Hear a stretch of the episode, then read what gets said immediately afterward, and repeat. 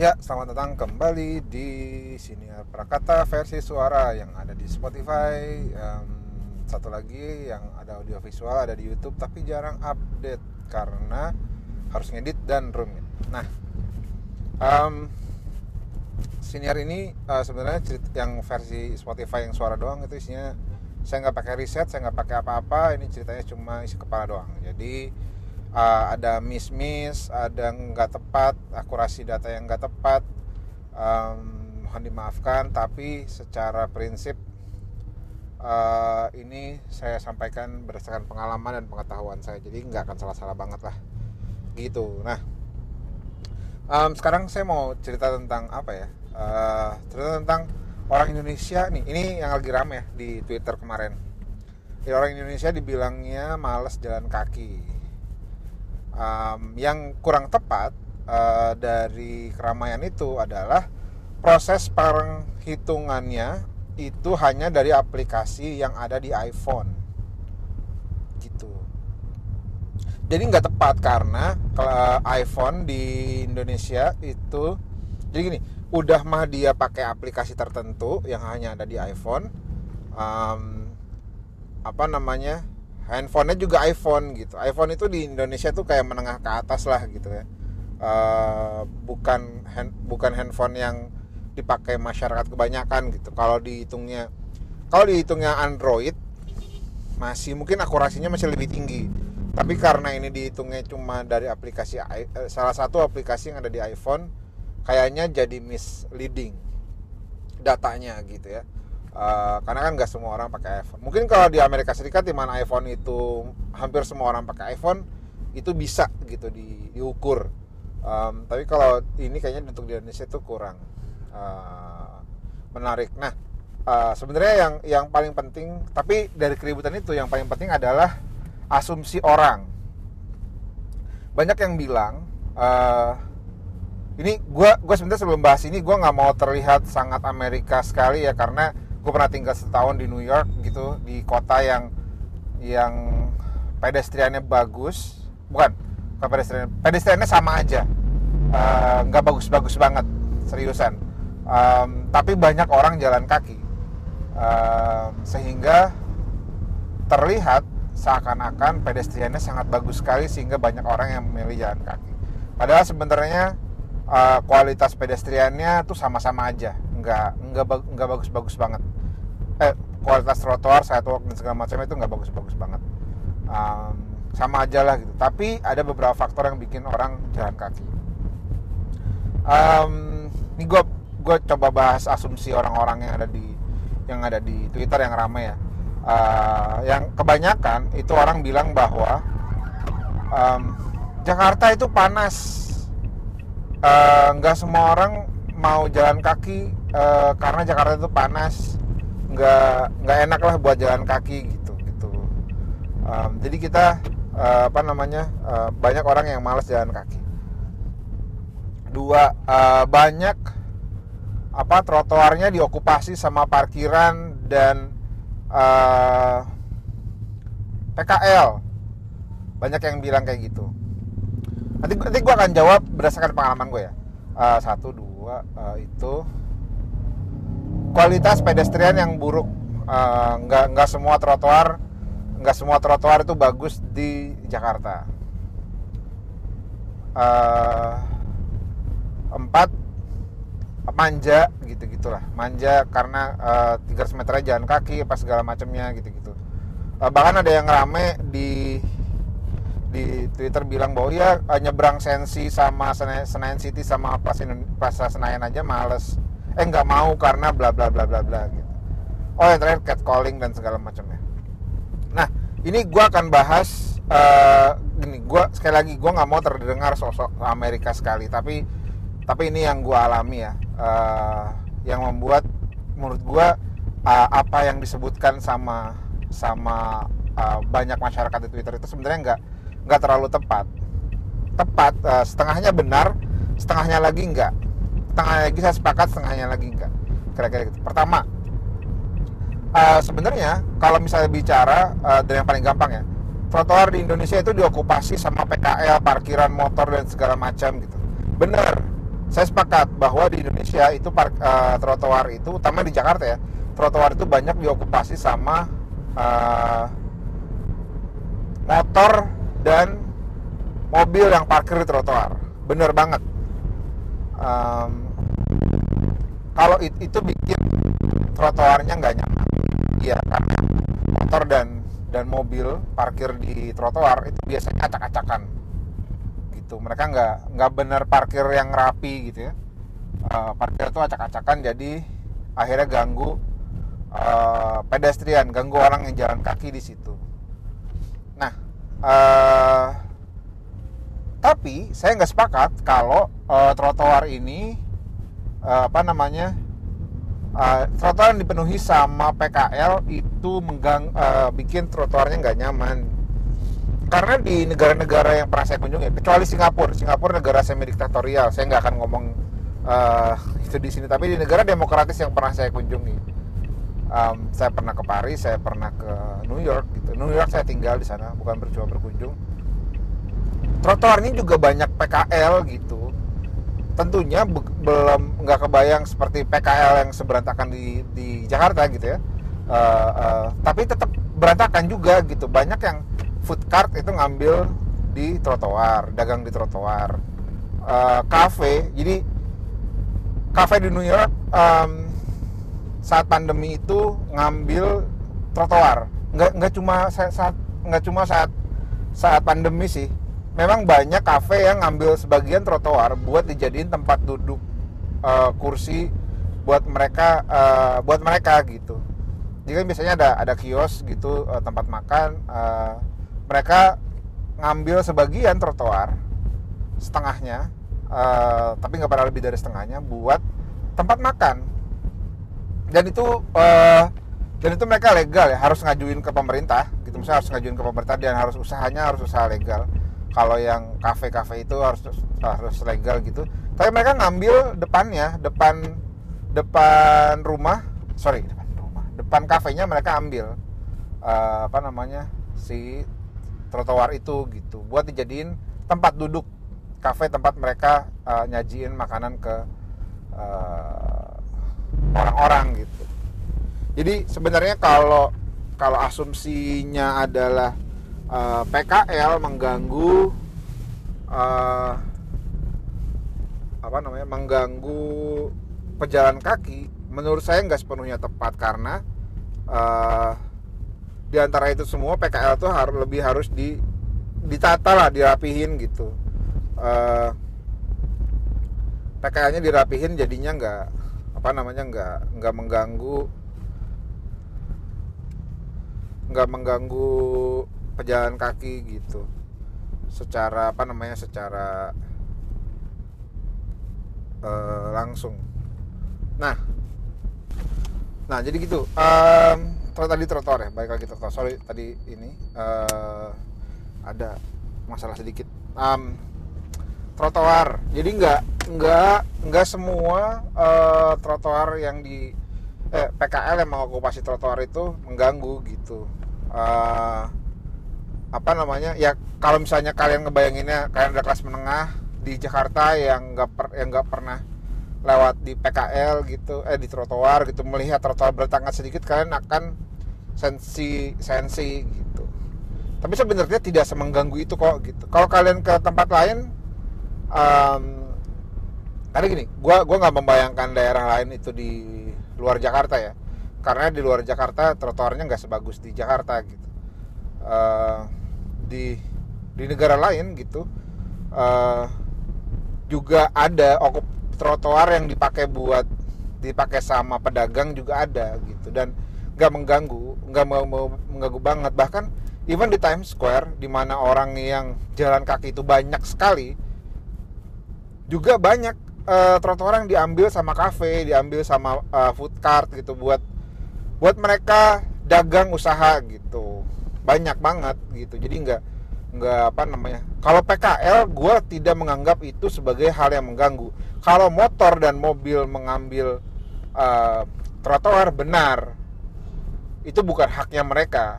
Kalau PKL ya udahlah gitu. Bukan udahlah ya maksudnya ya kan sama-sama dia tidak tidak uh, dia malah membantu teman-teman pejalan kaki buat uh, apa namanya uh, memberi rasa aman ya. Kalau menurut gue tuh kehadiran PKL kehadiran PKL di trotoar itu membuat menambah rasa aman pejalan kaki. Gitu. Uh, apa namanya? Karena PKL ini kan pasti pengen jalannya ramai terus gitu. Jadinya mereka akan sedikit menjaga uh, apa namanya daerahnya supaya aman gitu dari uh, kriminal dan segala macamnya gitu. Gua di gua waktu kemarin tinggal di di di New York itu selalu milih jalan yang rame, rame sama PKL-nya, rame sama orang-orang nongkrong, rame sama orang-orang makan. Dibanding uh, street yang sepi. Apalagi kalau udah malam. Gue lebih milih street yang rame gitu, yang ada trotoar, ada orang yang jualan, ada orang yang nongkrong gitu, dibanding street yang uh, apa namanya sepi gitu sepi dari orang-orang itu. Karena menurut karena karena gue lebih ngerasa aman aja. Lebih merasa aman di di trotoar yang banyak orang nongkrongnya. Juga di Indonesia gitu. Di Indonesia juga sama. Lebih enak lebih enak kalau jalan kaki apalagi malam hari gitu di tempat yang banyak uh, pejalan kaki atau pedagangnya. Selama dia tetap ngasih space ya. Maksudnya gini uh, ada trotoar nih 3 meter atau 4 meter gitu. Uh, pedagangnya ngambil lahannya 3 meter sama 4 meter itu mau kurang ajar. Uh, susah lah orang jalan. Tapi kalau misalnya dari dari 3 sampai 4 meter 2 meter diambil dari 5 meter 3 meter diambil. Orang masih bisa jalan uh, apa namanya uh, dua orang masih bisa jalan gitu menurut gua masih. Gua masih oke okay, gitu nggak ada masalah bagi gua. Itu itu tadi yang kaitan sama trotoar dan okupa okupansnya apa orang yang menginvasi trotoar ya kayak gitu itu pendapat gua. Pendapat kalau beda boleh nggak jadi masalah iklim cuaca iklim. Eh, nggak uh, enak jalan di Jakarta panas. Uh, namanya apa namanya nggak nggak enak lah gitu. Ini kalau kalau teman-teman udah pernah jalan ya udah pernah ngalamin musim panas ya. Musim panas dan musim dingin itu nggak enak buat jalan kaki. Beneran deh. Musim dingin dingin banget. Musim panas panas banget. Dan itu berjalannya bukan cuma uh, sekian jam sampai sekian jam itu setiap hari. Setiap hari kayak gitu. Maksudnya gini gue pernah ngalamin musim dingin banget ya. Minus berapa ya? Minus 10 itu baru minus 10 ya belum minus 20 30 gitu. Minus 10 itu jalan kaki di jalan kakinya di trotoar tuh males banget. Nggak enak banget gitu. Uh, tapi ya harus tetap jalan kaki lah gitu. Uh, apa namanya?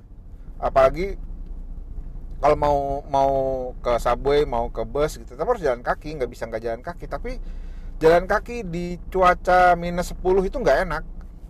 Dan itu berlangsung berbulan-bulan tiga bulan gitu. Selalu kayak gitu gitu. Um, 0 minus 10 0 minus 10 gitu. Berbulan-bulan setiap hari dari pagi sampai malam. Musim panas juga sama cuacanya tuh 25 sampai 30 gitu.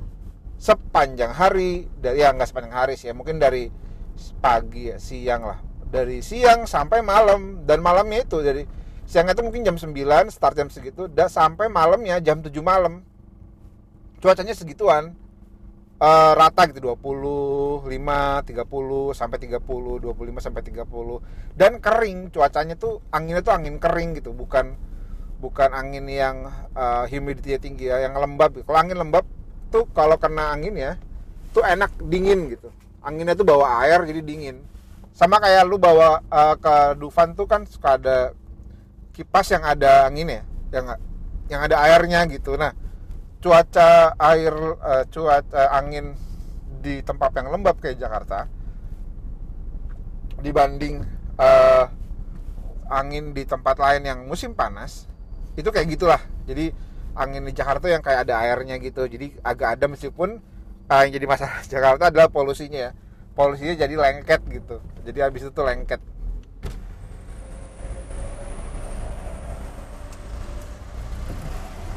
Jadi si si cuaca tuh lengket nggak enak gitu nggak enak karena ke tapi tapi uh, di Jakarta itu sepengalaman gue seber, bertahun-tahun hidup di Jakarta kalau lu berang, berangkat dan pulang kerja itu cuacanya tuh udah enak buat jalan kaki. Serius. Lu itu jalan misalnya gini lu lu masuk kerja itu setengah delapan kan?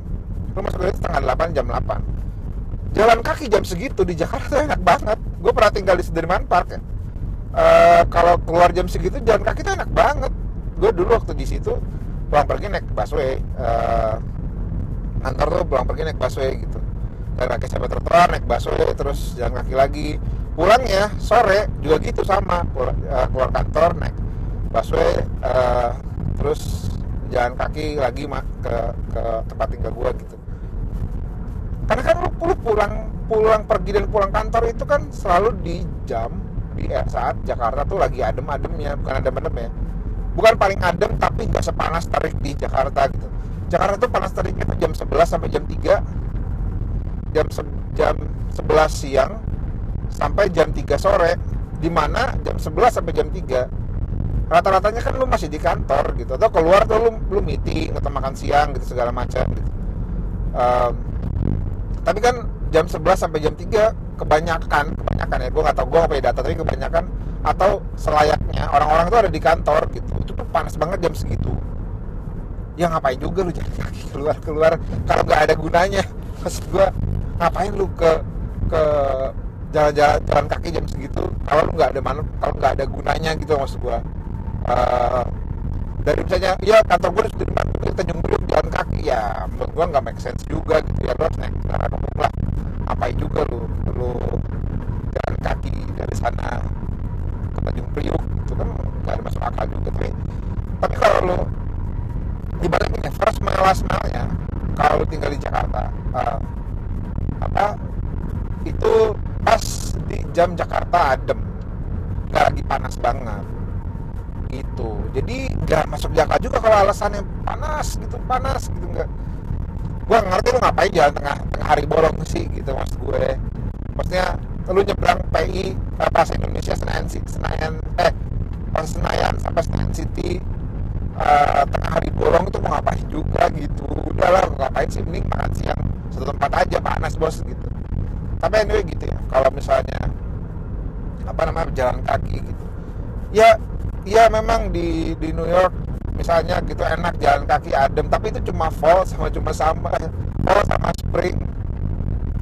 Seriusan itu enak tuh jalan kaki tuh. Uh, dia nggak terlalu dingin dia nggak terlalu panas mungkin cuacanya sekitar 10 derajat sampai 15 derajat lah harian gitu. Nah itu enak tuh jalan kaki seriusan. Tapi itu cuma tiga bulan tiga bulan. Habis itu tiga bulannya panas banget kayak summer atau dingin banget kayak winter gitu. Jadi jadi menurut gua nggak nggak all day all, day long uh, enak gitu. Nih karena gue pernah tinggal ya jadi gue sharing aja nih gue bukannya sosok nyamain sama luar negeri tapi paling nggak di negara empat musim mah begitu gitu. Jadi kalau misalnya ada yang bilang wah di sana mah enak gitu. Enggak enggak juga enggak enggak enggak gitu. Enggak segitunya gitu. Dah gitu. Uh, apa namanya dua nah ini yang paling penting menurut gue ini yang sangat-sangat penting menurut gue uh, apa namanya tentang jalan kakinya orang Jakarta. Uh, dan orang Indonesia kebanyakan. Orang jalan kaki itu karena tujuan tujuan dan tempat asalnya origin and destinationnya itu dekat dan bisa dicapai dengan jalan kaki juga. Let's say gue dulu tinggal gue tinggal di New York. Dari tempat gue sampai stasiun dan halte itu bisa jalan kaki. Tempat tujuan dari gue ke kampus aja gue ke kampus itu dari rumah gue sampai stasiun subway itu kayak 10 menit jalan kaki. Dari ke halte udah sekitar 5 menit jalan kaki. Dari tempat gua tinggal eh sorry dari stasiun turun ke kampus gua itu 10 menit jalan kaki. Uh, naik bak naik. Uh, kalau udah naik uh, bus itu mungkin 5 menit lah kayak nggak nyampe 5 menit karena dia langsung berdi, uh, berhenti depan di depan uh, kampus gua gitu ya satu menit dua menit jalan kaki. Tapi gue biasanya pakai subway karena kalau pakai bus itu agak muter-muter gitu. Kalau pakai bus itu bisa sejam. Tapi kalau misalnya pakai uh, subway itu cuma 30 menit lah uh, ininya jalannya gitu. Nggak nggak terlalu lama 30 menit 20 sampai 30 menit nggak terlalu lama. Nah karena origin sama destinationnya dekat sama transportasi publik jadi orang di sana itu jalan kakinya enak gitu. Dari dia keluar rumah dia udah nggak jalan dia udah nggak naik kendaraan umum. Sorry salah. Dari mulai dari depan rumah mereka udah jalan kaki. Mereka udah naik kendaraan umum. Sehingga itu uh, jadi insentif gitu buat mereka jalan kaki ke uh, itu jadi insentif untuk mereka jalan kaki seharian. Karena mereka dari awal udah nggak perlu jalan kaki eh nggak perlu naik kendaraan pribadi gitu. Jalan kaki itu udah enak banget. Gitu ya. Nah di Indonesia di Jakarta utamanya dari rumah lu mau ke tempat transportasi publik susah. Let's say uh, kalau lu tinggal di Jakarta mungkin udah lumayan gampang. Belum semua daerah gampang. Tapi uh, di Jakarta di Jakarta sendiri itu coverage angkutan umumnya udah 96% dari tempat lu tinggal sampai halte terdekat sampai pemberhentian kendaraan umum terdekat itu sekitar 600 sampai 700 meter. Ini dari artikel Kompas beberapa waktu lalu. Ini bisa juga dicek di YouTube gue. Uh, gue tempat bahas ini arah transportasi Jakarta udah benar. Nah, kayak gitu. Jadi dari rumah ke ke apa ke tempat akses transportasi itu udah deket lah tinggal dibenahi trotoarnya dan segala macam tapi kan itu masih panjang maksudnya itu itu uh, bisa apa harus diselesaikan tapi nggak bisa instan gitu kan pelan-pelan tapi anyway sebenarnya udah ada nah karena uh, dari origin uh, dari tempat asal ke tujuannya itu nggak uh, first mile sama last mile-nya itu nggak ramah sama pejalan kaki sehingga orang uh, tetap menggunakan kendaraan pribadi untuk keluar rumah, motor, mobil, dan segala macamnya. Uh, sehingga tidak memberikan insentif untuk mereka jalan kaki. Gitu. Kalau misalnya posisinya rumah kita uh, ke halte ke apa ke halte ke stasiun itu misalnya jalan kaki 10 menit aja. Uh, orang tuh orang tuh dan transportasinya enak orang tuh nggak akan pakai kendaraan pribadi lagi gitu terus misalnya dari tempat stasiun terakhir uh, turun sampai tujuan akhirnya itu jalan kaki 10 menit lah maksimal. Itu itu orang jadinya nggak punya inset nggak punya alasan untuk nggak pakai kendaraan umum gitu. Jadi sebenarnya koneksi kon, uh, poin pentingnya adalah uh, apa ya kalau bahasa bahasa teoris itu uh, alasan jalannya tuh buat apa tripsnya tuh buat apa? Mau kerjakah mau rekreasikah mau apakah gitu jadi harus jelas tuh misalnya origin sama destinationnya gimana. Originnya tuh uh, first mile-nya gimana nanti last mile-nya di di destinationnya tuh mau kayak gimana yang kayak gitu-gitu. Uh, apa namanya uh, dari dari sta, dari rumah ke stasiun terdekat dari stasiun terdekat ke tujuan itu Eh, jalannya kayak gimana yang kayak gitu-gitu sih. Uh, dan apa namanya kalau kayak dan kan gini ya di Indonesia di Jakarta utamanya uh, di Indonesia di aglomerasi Jakarta Raya. Di aglomerasi Jakarta Raya tuh uh, terlalu banyak komplek yang car centric. BSD di Tangsel. Kota wisata di Gunung Putri. Um, Bekasi itu ada komplek apa ya ya pokoknya gitulah. Apa harapan indah di Bekasi misalnya biar seimbang. Um, Sentul City di Kabupaten Bogor. Itu komplek-komplek yang car centric first mile-nya orang itu first mile-nya orang itu datang dari tempat-tempat itu ke Jakarta. Harus pakai kendaraan pribadi karena first mile-nya dari tempat dari rumah dia ke hub transportasi publik terdekat itu jauh. Coba lu ke kota wisata. Kalau lu tinggal di satu titik lu mau ke transport hub kayaknya 15 menit dan harus naik ojek nggak bisa jalan kaki. Jalan kaki itu kayak 20 menit 30 menit jalan kaki. Kan gila. Di B BSD misalnya mau ke stasiun juga sama gitu. Dia tidak menyediakan transportasi publik uh, dari first mile-nya tuh ke ke sana.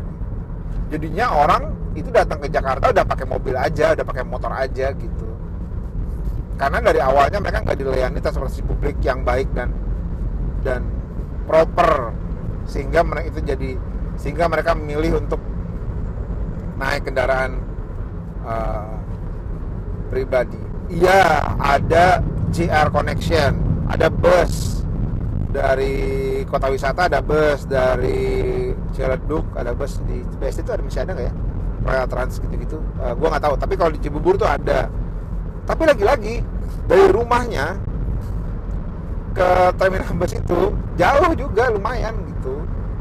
Uh, karena nggak ada uh, transportasi publik yang muter dalam komplek kira-kira gitu ya muter dalam komplek yang jemput si warganya ini kan ini kan uh, moda pengembangan kota di Jakarta Raya medio 2000-an pasca reformasi sampai sekarang gitu di mana mereka bangun new town yang car centric uh, apa namanya uh, berorientasi pada mobil sehingga eksternalitisnya atau atau dampak turunannya itu membebani jalan kota dan jadi macet gitu. itu kan yang nggak pernah dipikirin. Nah gitu.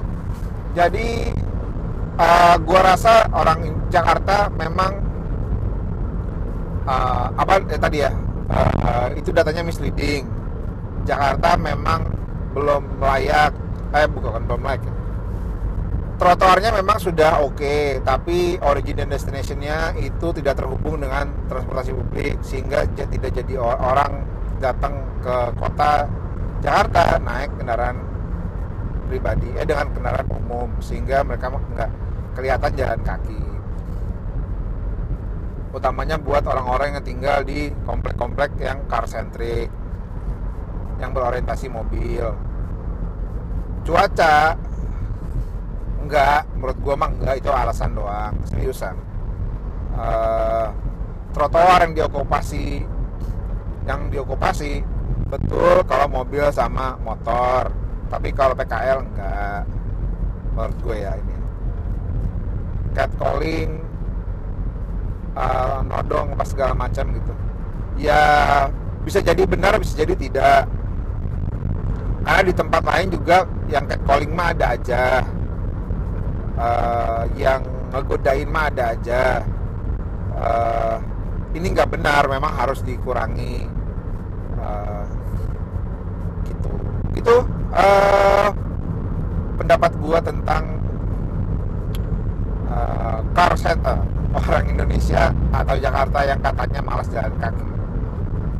Cuma memang itu masih sangat bias kota sekali ya. Coba lu ke kalau itu datanya di, dipakainya sama orang desa gitu yang diukur orang desa wah kalau jalan kaki sebuah kali. Uh, ke tetangga jalan kaki kalau jalan kaki ke sawah jalan kaki ke kebun jalan kaki ke pasar jalan kaki atau naik beca. Gitu. Jadi memang itu datanya sangat-sangat uh, bias. Uh, tepat datanya. Begitu kira-kira uh, pendapat gua uh, semoga ini nambah perspektif dan nambah pengetahuan buat lu semua.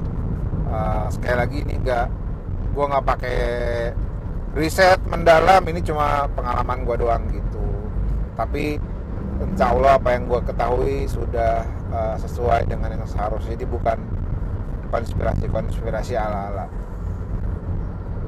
Yang ada dasarnya. Sekian, terima kasih. Sampai jumpa di Sinar Prakata Suara berikutnya. Uh, semoga jadi tambahan pengetahuan dan sampai jumpa di episode berikutnya